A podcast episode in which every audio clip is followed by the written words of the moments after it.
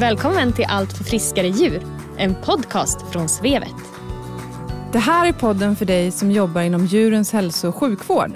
Eller för dig som bara är nyfiken på vår bransch. Vi strävar efter att varje avsnitt ska ge dig som lyssnar ny kunskap och inspiration. Jag heter Nathalie. Och jag heter Maria. Följ med oss när vi träffar spännande gäster från alla hörn och kanter av veterinärbranschen i Sverige. Tillsammans gör vi ju allt för friskare djur.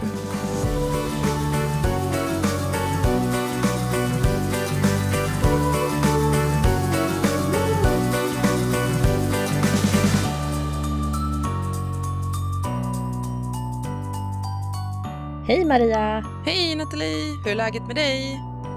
Det är bara bra med mig idag. Hur är det själv? Det är fint med mig också. Det är, eh, jag ser fram emot dagens avsnitt. Vi har ytterligare en eh, veterinärkongressföreläsare med oss idag.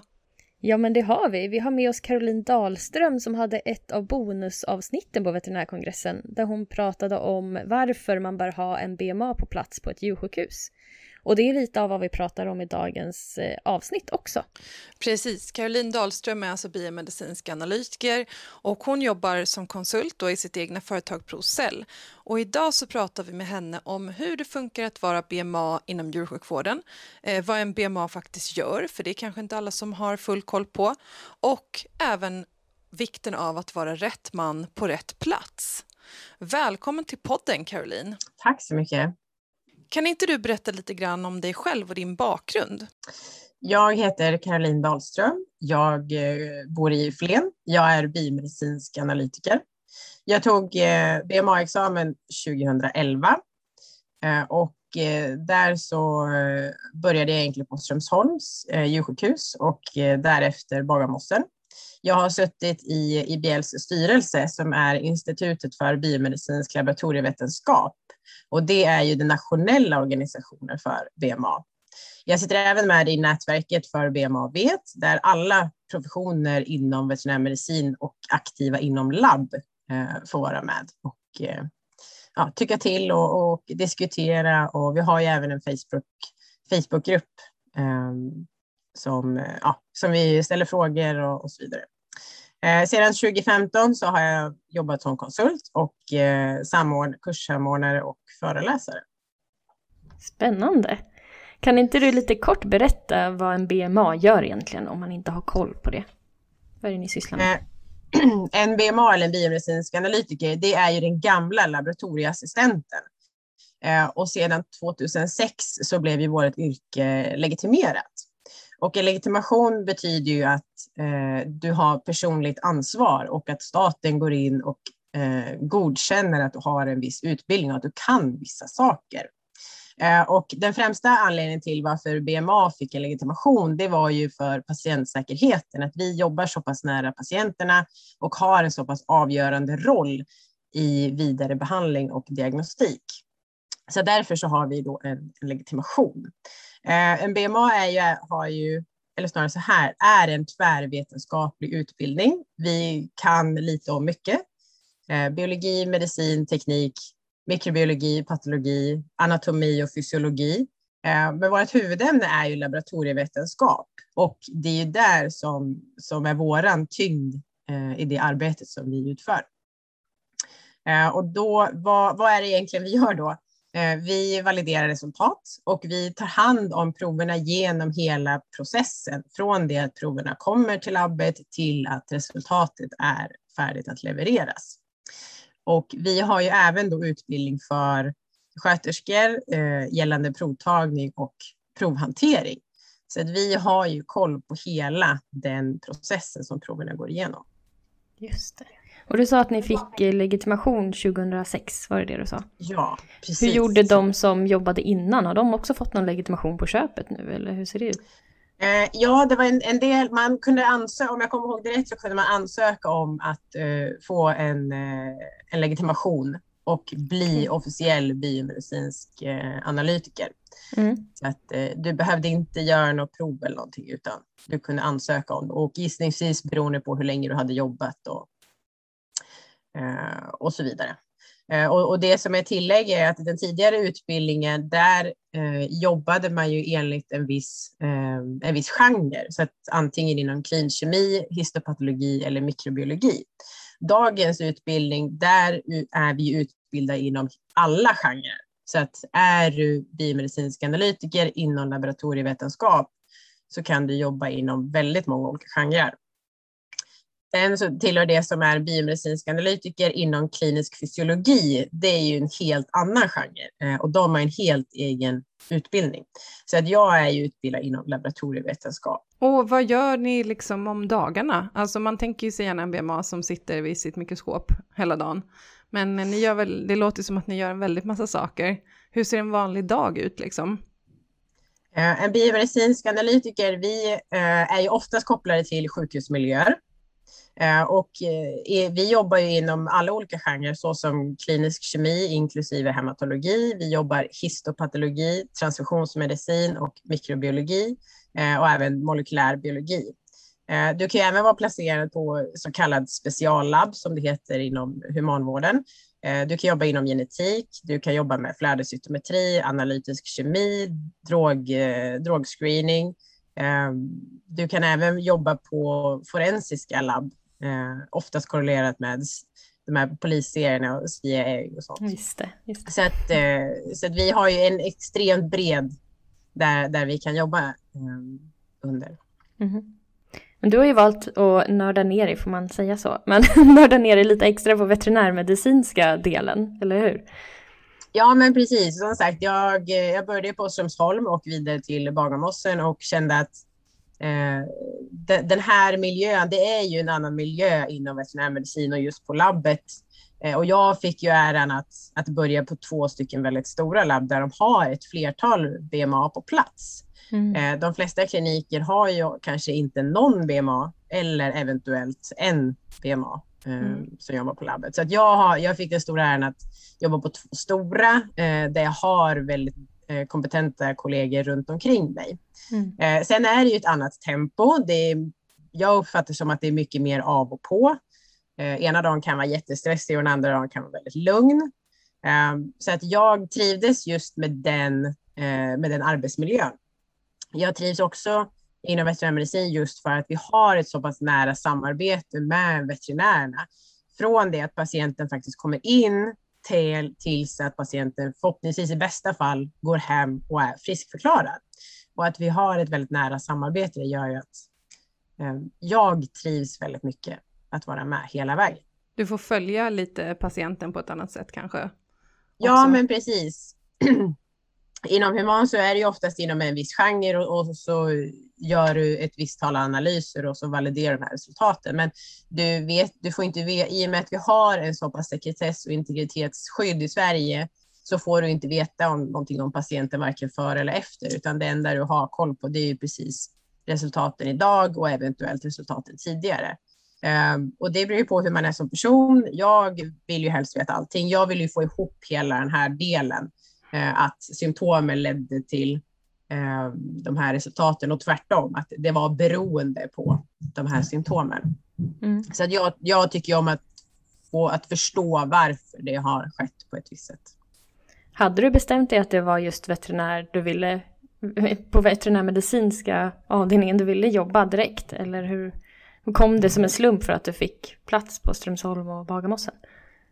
Eh, nej, utan det började med att, att Eh, i, i vår utbildning så under vår utbildning så har vi en praktikdel och en vecka där så får vi välja vart vi någonstans eh, vill vara för att kunna ja, men kolla lite vart vi vill jobba någonstans och kunna identifiera vart finns det BMA fler på plats än, än bara sjukhusmiljöer. Så att jag kontaktade Ann-Katrin Sjöström på Strömsholm och frågade ifall jag fick komma dit. Och det, det fick jag. Så jag, jag, jag var så välkommen och eh, därigenom så fick jag även sommarjobb och på den vägen är det. Mm. Så det var egentligen en slump. Jag visste inte heller vad BMA var när jag började BMA-utbildningen och jag visste inte att det fanns BMA på djursjukhus. Ah, uh, och det blev jag ju varse av. Så på den vägen är det. Mm. Okay. Har du något djur själv? Jag har en uh, hund, en jaktcockerspaniel. En mm. uh, hund på tre år, en balder. Eh, och sen så har vi nyligen skaffat en eh, papegoja. Oj! Ja. en konjur. Så att... Men du, hur skiljer sig, du pratar lite grann om att det kan vara ett annat tempo och sådär, men eh, rent liksom vad i arbetsuppgifter och så, hur skiljer det sig att arbeta som BMA i veterinärvården eh, mot att arbeta inom humanvården? Du nämnde ju några saker, men är det några fler sätt det skiljer sig på? Ja, inom, inom human så jobbar du oftast inom eh, en genre. Du jobbar inom transfusionsmedicin eller klinkemi eller mikrobiologi eller, eller histopatologi. Eh, Medan inom veterinär och du är på ett större ställe så, så får du oftast jobba både klinisk kemi, du jobbar hemato med hematologiska prover, du jobbar med eh, cytologiska prover, du jobbar kanske med eh, mikrobiologi. Man får ju även in parasiter och avföringsprover. Eh, så att där har, måste du ha en väldigt bred kunskap eh, och kunna flexa och kunna liksom byta byta ämne också. Så att om BMA inom veterinärvården så behöver du kunna eh, vara flexibel. Du behöver kunna lite utav mycket så att säga.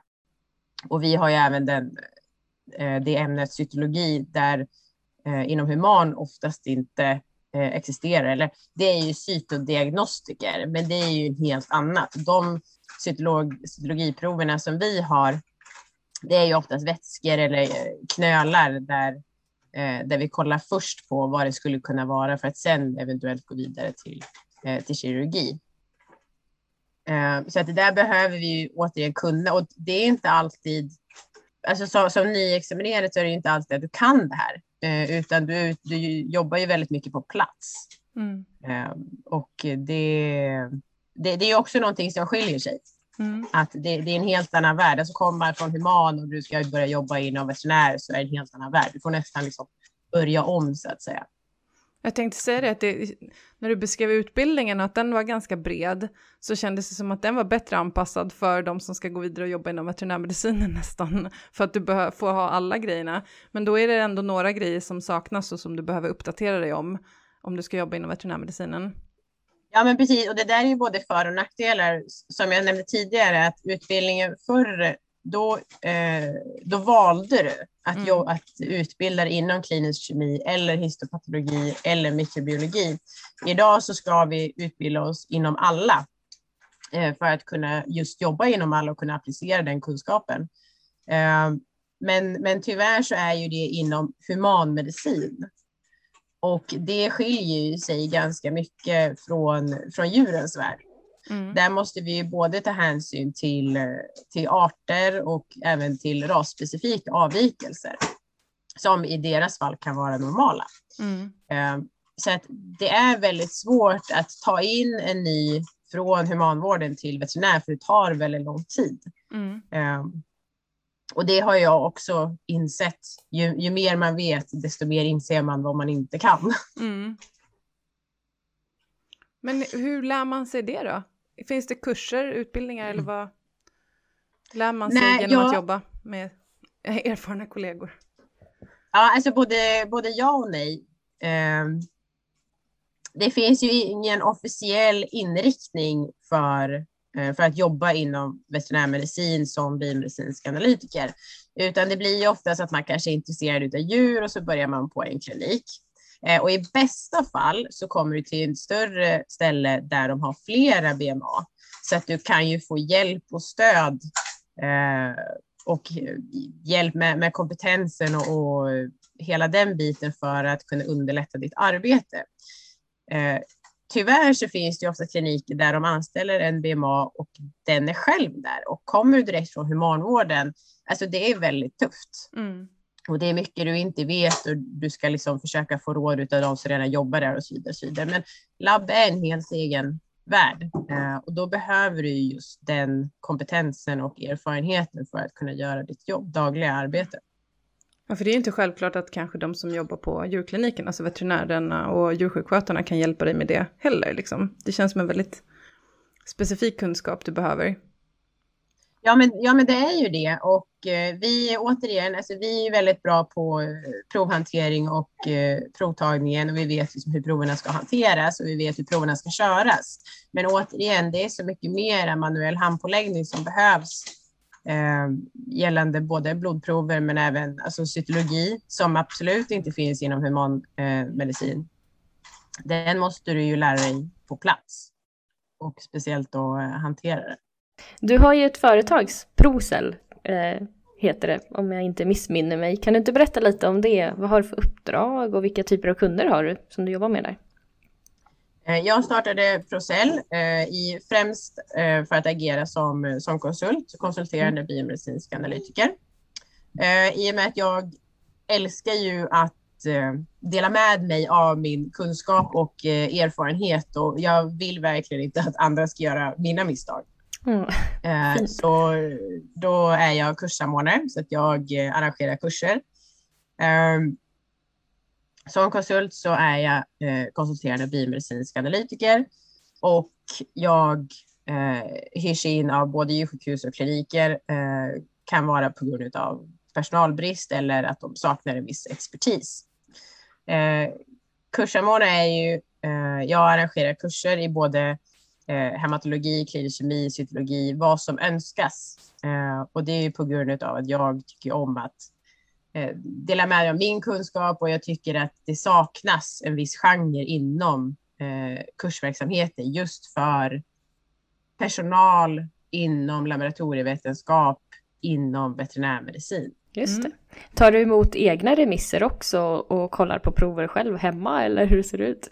Ja, jag har ett eh, mikroskop så att jag kan ta emot eh, FNA eller impressions med, det vill säga cytologiprover. Mm. Eh, och jag tittar även på hematologiprover. Just det. Eh, och på säljavdelningen på Svevet så får vi ofta frågan när man ska starta upp en klinik. Vad ska man ha för grunduppsättning på sitt labb? Vad behöver man för att kunna köra de viktigaste eller de vanligaste proverna och så vidare? Vad, vad skulle du säga är det viktigaste? Vad får man inte glömma när man ska sätta ihop ett litet mindre labb på en klinik? Återigen, det är ju vad jag tänker ju hela tiden hur, vad är det man ska göra för någonting och vad vill man åstadkomma och vad vill man producera för svar egentligen? Eh, rent generellt så tänker man att ja, men jag vill ha lite biokemi och jag vill ha lite eh, hematologi och det är ju det är väl en jättebra grund. Eh, men du ska ju fortfarande ha tiden att ta hand om instrumenten. Du ska fortfarande ha tid att ta hand om eh, maskinerna. Och då tänker jag att man kanske ska ha, eh, du kanske ska ha ett specialanpassat eh, instrument eller labb för att fungera med din verksamhet för att du kanske inte vill sätta en person enbart på, labb, på labbprover. Eh, och det här kommer ju lite in i att jag tycker inte att eh, hur, så här. Beroende på hur mycket prover som du ska köra och hur mycket tid som du eh, vill att din övrig personal ska lägga ner på de här proverna eh, så är det också beroende på lite instrument. Och eh, ska du ha ett, eh, ett kemiinstrument och du ska ha en hematologiinstrument så måste du fortfarande ha den här tiden. Och då är frågan om ifall övrig personal ska köra det här eller om, det, eller om du ska ha en BMA. Oavsett om det är deltid eller heltid. Eh, och sen så finns det då vissa instrument där de kanske är mer akuta.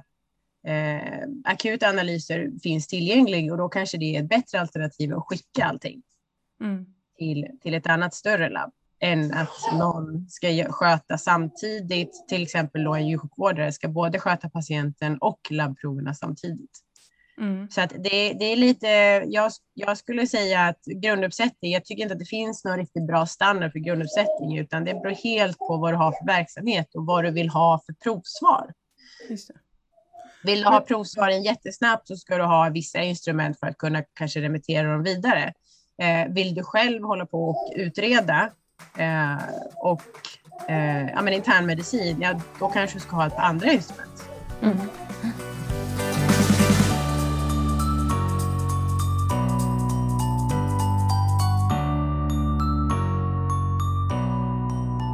Men jag tänker på det här du sa om, om, vem som ska ta hand om de här proverna eller vem som ska ta hand om de här maskinerna du, är det, det är ändå bra att ha en dedikerad person som liksom har det som sitt ansvarsområde, um, tycker du. Men behöver den personen vara en BMA eller räcker det med en djursjukskötare till exempel som är lite extra intresserad? Eller hur ser du på det? Alltså jag vill ju gå tillbaka till det som vi började prata om, att vi, eh, vi är ett legitimerat yrke, biomedicinsk eh, analytiker, och vi en biomedicinsk analytiker är ju en kvalitetsstämpel på att proverna blir rätt hanterade mm. hela vägen. Varför inte alla har en BMA på labbet är ju misstänkligen av ekonomiska skäl. Och, men man vill fortfarande kunna köra prover på, eh, på den patienten. Och då är det frågan om ska du ha en BMA eller ska du ha en annan person? Och det som jag var lite inne på det är att oavsett om du väljer att köra ha en BMA där eller någon annan så måste du fortfarande ha en dedikerad person dit. Du kan inte mm. be att en sköterska ska göra allting samtidigt. Nej, mm. Nej precis. Och då, och då är snarare min retoriska fråga att varför ska du då inte ha en BMA på plats? Mm. Oavsett om det är deltid eller, eller heltid. Eh, och det som tillhör är ju också att biomedicinska analytiker är ju en kvalitetsstämpel. Vi är ett legitimerat yrke där vårat, vår expertis är just laboratorievetenskap. Och eh, våra grej är ju lite att ifrågasätta allting som kommer ut ur eh, instrumentet, men även allting som kommer in till labbet. Har det hanterats korrekt? Mm. Eh, har det tagits på ett korrekt sätt? Gick det bra? Eh, går instrumentet bra idag? Har den producerat resultaten som motsvarar de symptomen som djuren har? Så att vi har ett, helt, vi har ett helhetstänk när vi jobbar. Medan kanske en, en djursjukvårdare vill ha ut ett resultat från instrumentet för att kunna gå vidare. Medan vi är ju liksom i den här labbdelen, vi är i den här labbprocessen, det är där som vi är experter på. Så att, och jag säger inte att man inte kan eh, lära någon annan profession att göra vårt jobb. Men jag tror ändå att under vår utbildning så får vi det här innet i våra ryggmärg att den här analytiska delen, den här ifrågasättande, eh, att, vi, att den är så stark i oss. Mm. Att jag tror att vi har lite, eh, vi, vi, vi är lite bättre på det helt enkelt. Mm. Ehm, men du kan fortfarande lära en annan att köra prover. Du kan fortfarande lära en annan att ta prover. Ehm, och det finns jätteduktiga djursjukvårdare och djurvårdare som, som, som tar blodprover eh, och andra prover på djur. Men just den här hanteringen, att komma ihåg allting. Mm. Det, det, är ju det som, som vi är bra på. Så jag säger ju rätt man på rätt plats. Mm, absolut. Att, att en BMA ska, ska göra det som den är bra på och djursjukvården ska göra det de är bra på. Sen kan ju BMA stötta djursjukvården att så här är det bra ifall du tänker när du ska ta proverna. Det här är bra att tänka på eh, när ni ska hantera proverna. Hur eh, ska, ni, ska det vara kylt? Ska det vara rumstemperatur? Ska det vara fryst? Ska det vara snurra? Ska det inte snurras? Och så vidare. Och så, vidare. Mm. så där kan vi ju assistera. Just det. Jag tänkte på det här med, med um vi pratade lite grann om vad, att det är inte alla kliniker som har en BMA och att det ibland kanske till och med är någon som inte är helt eh, dedikerad bara till det. Um, men det är också så att det, det, är någonting som kostar pengar och de som betalar för det är ju till syvende och sist djurägaren.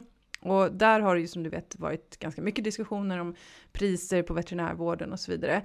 Hur, har du något bra liksom, resonemang kring hur man kan motivera kanske för djurägare att liksom, det här är också någonting som kostar.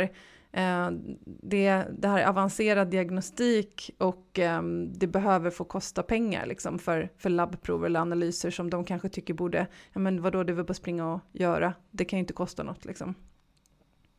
Det, det, handlar ju mycket om pengar och det, det har ju pratats om eh, både i media och så vidare. Och där, där är ju, alltså det är ju, veterinärerna har ju väldigt svårt, min uppfattning är att veterinärerna har väldigt svårt att eh, argumentera för, eh, i mitt då fall, alltså specifikt labbanalyskostnaden.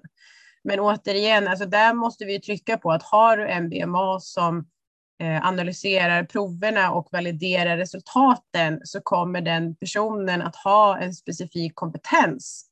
Eh, och det här är ju en kvalitetsstämpel i och med att VMA är ju ett legitimerat yrke. Vi är en kvalitetsstämpel på, eh, på att labbanalyserna har gått rätt till och att proverna har gått genom rätt process.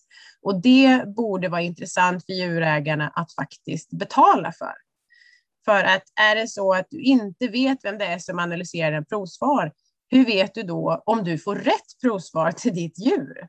Det, det kan du inte veta, utan vi behöver argumentera och egentligen alla våra professioner att vem är det som kollar på röntgenplåtarna? Vem är det, vad har den för utbildning och vad har den för kompetens? Att jag tror att vi behöver eh, tydliggöra och kanske också bli, bli stoltare för vad vi faktiskt gör. Alltså jag tycker att vi ska sluta ursäkta oss att vi faktiskt tar betalt eh, för, för, det, för det vi gör. Men just i, i labbdelen så tycker jag att det är tråkigt att att folk inte har mer kunskap om, eh, om biomedicinska analytiker. Vi är för sig, det är ett samhällsproblem vi har, att BMA är den gömda professionen.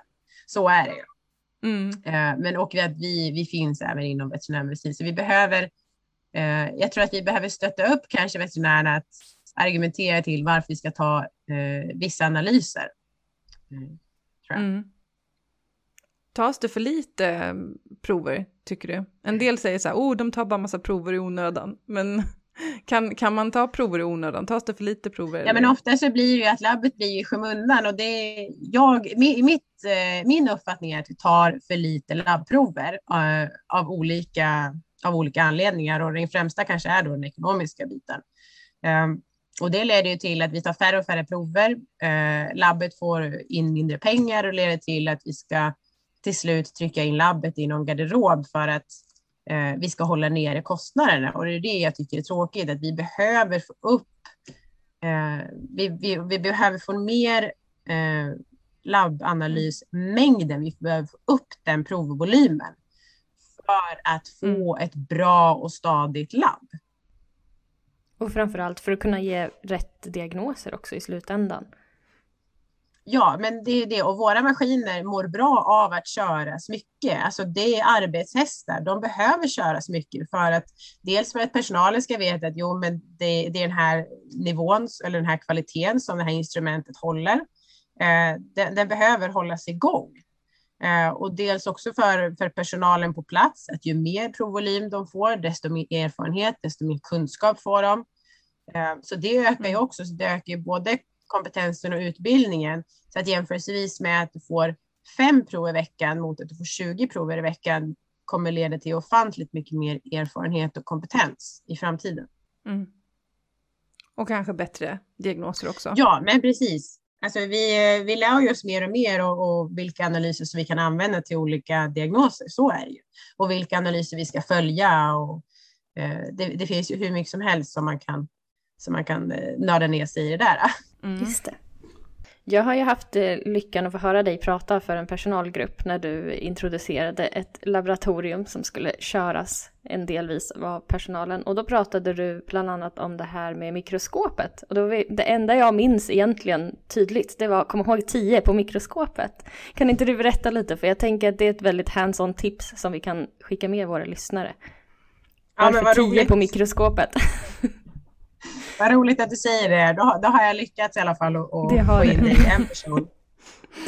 Ja, men en som inte behöver jobba med det heller tyvärr, men jag kan sprida det vidare i det här formatet. Var vi på. Ja, men precis. Det är ju ofta så att andra professioner har gått en, en labbkurs under utbildningen så tror de att de kan det här. Eh, men ofta så får vi tillbaka olja på fel objektiv och det är eh, bordet är alla längst ner och så vidare. Och så vidare. Så vi, eh, vi behöver ju tydliggöra hur man ska använda ett mikroskop. Och det som jag brukar säga då är att först så ska du ju märka glaset på rätt, eh, på, på rätt håll så att du inte har provet på ena sidan och märker provet på den andra. Eh, men sen oavsett egentligen vad du ska titta på så tycker jag att du alltid ska börja på 10 objektiv för det är där som du även gör den här så kallade curlerinställningen på. Så att börja alltid på tian. Så att ser du schysst på tian så kommer du att se bra på de andra objektiven också. Gör du inte det, då är det just för att du har provet på fel sida glaset. Det är en ganska klassiker. Så att eh, har du schysst på tian så kan du både se bra på 50 och på 100. Så att även om du vet från början att jag ska titta på bakterier som är jättesmå och jag vill gå ner på 100 på en gång, börja alltid på 10. Även om jag tittar på eh, hematologiprover på 50 eh, en efter en efter en, så går jag alltid tillbaka till 10 mellan varje. 10, 50. Färdig med den, då går jag tillbaka 10, 50. Eh, så att, så att eh, det bästa tipset är egentligen med mikroskopet att börja alltid på 10. Har glaset eh, vänt åt rätt håll och märk glaset så att du vet vart provet är någonstans. För det är jättesvårt att se efteråt att på vilken sida av glaset fanns just provet. Just det. Bra tips. Vi behöver ett hands-on tips och det där är ju ett klockrent sånt tycker jag. Mm. Kul. ja. Och sen så har vi en fråga som vi ställer till alla våra gäster. Eh, och det är om du har någon person eller något ämne som du skulle vilja höra i vår podcast eller ett ämne som du vill höra mer om i vår podcast. Jag funderade på den här frågan och eh, jag, eh, det, det som jag funderar på, man ser ju väldigt mycket andra veterinärprogram runt om i världen. Och i, i ett program så ser man bland annat då att eh, djuren får proteser om man amputerar till höger och vänster och man eh, håller på och grejer mycket mer. Så jag är lite intresserad av vad är framtidens ortopedi i Sverige? Mm. Och vad är vi, vart är vi på väg någonstans? Och eh, vad, även den moraliska och etiska biten skulle jag vilja höra mer om. Mm. Spännande. Vad, som, vad man kan göra och ska man göra, allt man kan göra och så vidare. Det är... ja, ja, precis. Eh, och, och, just den biten, det är, det är väl ganska känsligt och där beror det liksom på helt vad man har för, för kultur. Alltså USA har en kultur, England har en kultur, vi har en kultur och Ryssland har en annan kultur. Men eh, jag är nog lite mer inne på den, vad ska jag säga, vetenskapliga och vad, eh, vad, vad kan vi göra idag och vad är den personen? Alltså det finns ju jätteduktiga ortopeder i, i Sverige som vi har eh, och då tänker jag lite vad, hur tänker den personen? Hur, hur långt vill den personen gå med sin vad ska jag säga, kompetens? Just det. Vad vill den ha för möjligheter? Vill den ha möjlighet att byta ut saker och ting i kroppen? Ja, lite mm. så tänker jag. Mm. Spännande. Tack så jättemycket Caroline för att du ville ställa upp och vara med i vår podd. Tack så jättemycket för att jag fick komma hit. Om man vill komma i kontakt med dig, hur bär man sig åt då? Eh, då kan ni mejla mig på eh, caroline pro-cell.se. Ni kan även gå in på min hemsida som är www.pro-cell.se. Kanon! Tack snälla! Tack så mycket! Och om man vill komma i kontakt med oss då mejlar man oss enklast på podcast.svevet.se. Eller hur Maria? Just det, det stämmer. Och man får inte glömma att följa oss heller i sociala medier. Svevet heter vi där. Tack snälla för att ni har lyssnat idag och vi hörs igen i nästa avsnitt. Det gör vi. Tack så mycket. Hej hej! Hej hej!